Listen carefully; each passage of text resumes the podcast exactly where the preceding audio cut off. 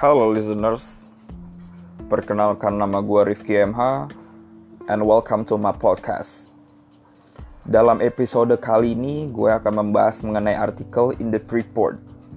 In The Freeport itu sendiri yaitu sebuah artikel yang membahas tentang suatu cerita fakta yang mungkin atau jarang diketahui oleh publik. Dalam hal ini, wartawan bertugas untuk menelisik secara mendalam sebuah informasi atau peristiwa yang tidak diketahui oleh publik yang nantinya akan dipublikasikan kepada masyarakat luas. Di sini gue akan mencoba membahas mengenai artikel in the report tirto.id. Artikel tersebut berjudul Keganjilan dalam pembobolan WhatsApp dan penangkapan Raffio Patra.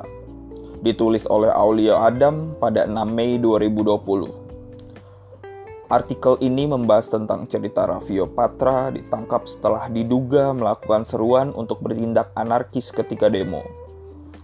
Raffio Patra itu sendiri adalah seorang aktivis peneliti kebijakan yang ternilai sering mengkritik kebijakan pemerintah.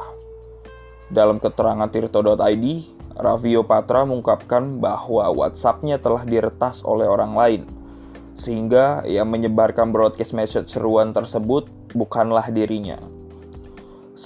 Seruan tersebut ditulis dengan huruf kapital yang berisi Krisis sudah saatnya membakar. Ayo kumpulkan dan ramaikan 30 April aksi penjara nasional serentak. Semua toko yang ada di dekat kita bebas dijarah.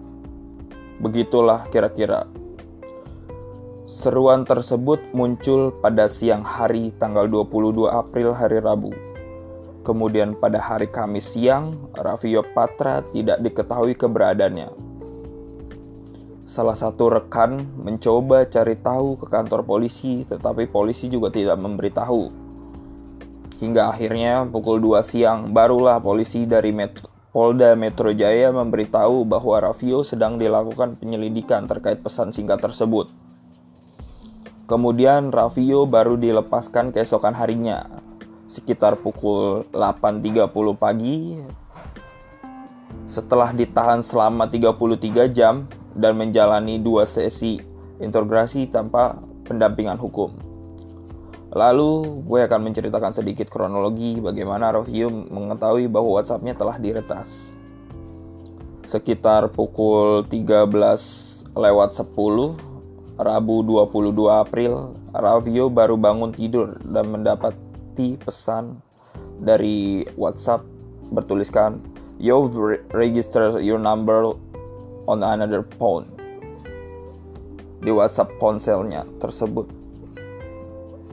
Seketika ia kaget dan panik. Ia mencoba masuk tapi tak bisa karena OTP baru bisa di request dalam 3 jam melalui teks dan 5 jam melalui call. Setelah kejadian itu, Raffio tidak bisa mengakses WhatsApp dalam beberapa waktu. Dan setelah Raffio berhasil mengakses, mengakses WhatsAppnya tersebut, ia menerima banyak sekali pesan singkat dari banyak orang yang nomornya tidak diketahui oleh Raffio.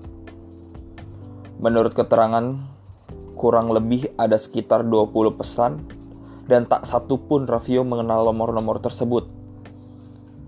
Isi pesan tersebut adalah ancaman terhadap Raffio karena telah memberikan ajaran atau ajakan untuk bertindak anarkis di tengah-tengah demo. Setelah ke kejadian itu, Raffio menjadi bingung dan menanyakan kepada rekan dan kerabatnya.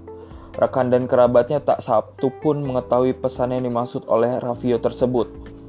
Dan dari situ, Raffio mulai timbul kecurigaan bahwa pesan singkat ajakan tersebut hanya ditujukan oleh orang-orang yang berpengaruh besar. Asumsi sempat menghubungi salah satu nomor tak dikenal yang mendapatkan pesan provokasi itu. Si penerima pesan mengaku sebagai salah satu aktivis 98 di Jawa Barat yang juga relawan Jokowi pada pemilu 2019. Dari situ dapat disimpulkan bahwa penerima broadcast message itu adalah orang-orang yang terpilih. Dan semua kejadian ini memiliki skenario. Entah skenario apa yang melatar belakang kejadian tersebut.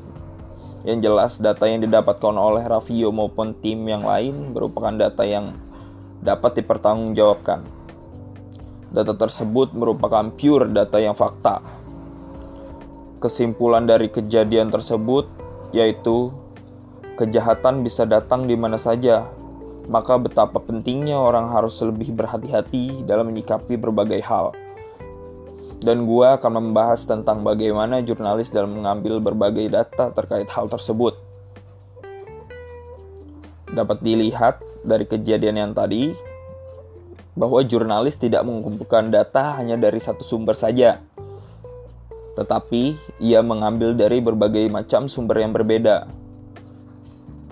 Karena pada dasarnya kita manusia pun harus melihat segala sesuatu tidak hanya satu perspektif saja, tetapi dari berbagai macam sudut yang berbeda juga.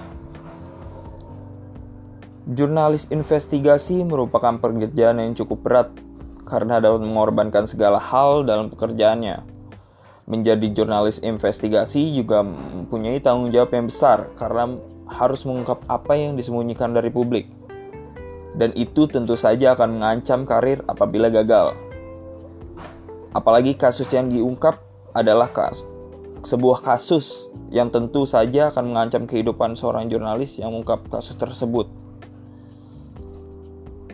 Baik, Mungkin demikian pembahasan dari saya mengenai artikel in the report tersebut. Mudah-mudahan dapat berguna dan dapat menjadi acuan dalam segala aspek. Dan shout out to Aulia Adam sebagai penulis artikel tersebut. Terima kasih untuk menjadi jurnalis yang jujur dalam mengungkap fakta yang tertutup oleh publik.